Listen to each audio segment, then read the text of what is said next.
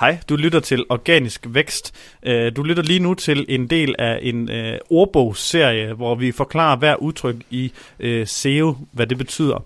I, øh, i titlen på det her afsnit skulle du gerne starte med ordbog, og hvis du gerne vil videre og hen til de længere og mere traditionelle øh, dialogbaserede afsnit, så kan du springe alle de her afsnit over.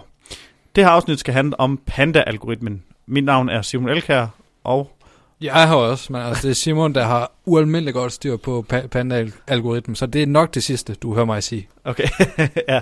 Øh, den her øh, Panda-algoritmen er et, en tyndt indholdsalgoritme. Så kan vi så lige, så kan man bruge lang tid på at sidde og argumentere, argumentere frem og tilbage, hvad er tyndt indhold. Men ud fra Googles General Guidelines, så siger de, at det er et utilfredsstillende main content. Øh, og øh, det er igen, det er relativt. Hvis du har en, øh, en, øh, en, øh, en side, en hjemmeside med 10.000 vis af autogenererede sider, som ikke henholder noget unikt, jamen så vil det være tyndt indhold. Øhm, ud fra øh, mine egne erfaringer, så har Panda en, ikke lige så hårdt pres på, som den har haft.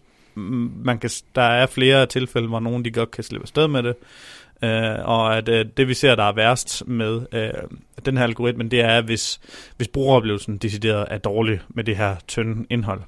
Så øh, alle, der har, altså øh, samme update, Panda-updaten, der kom der på et tidspunkt nogle, nogle, meget, nogle guidelines i SEO-branchen, du skal skrive over 300 ord, eller 400 ord, eller 200 ord, øh, hvor at, øh, dem har vi ligesom lidt forladt igen, fordi at du skal bare sørge for, at der er tilfredsstillende mængde indhold til det emne, du skriver om, eller produkttekst, eller en kategoritekst, eller hvad det nu er. Det var Google Panda. Tak for i dag.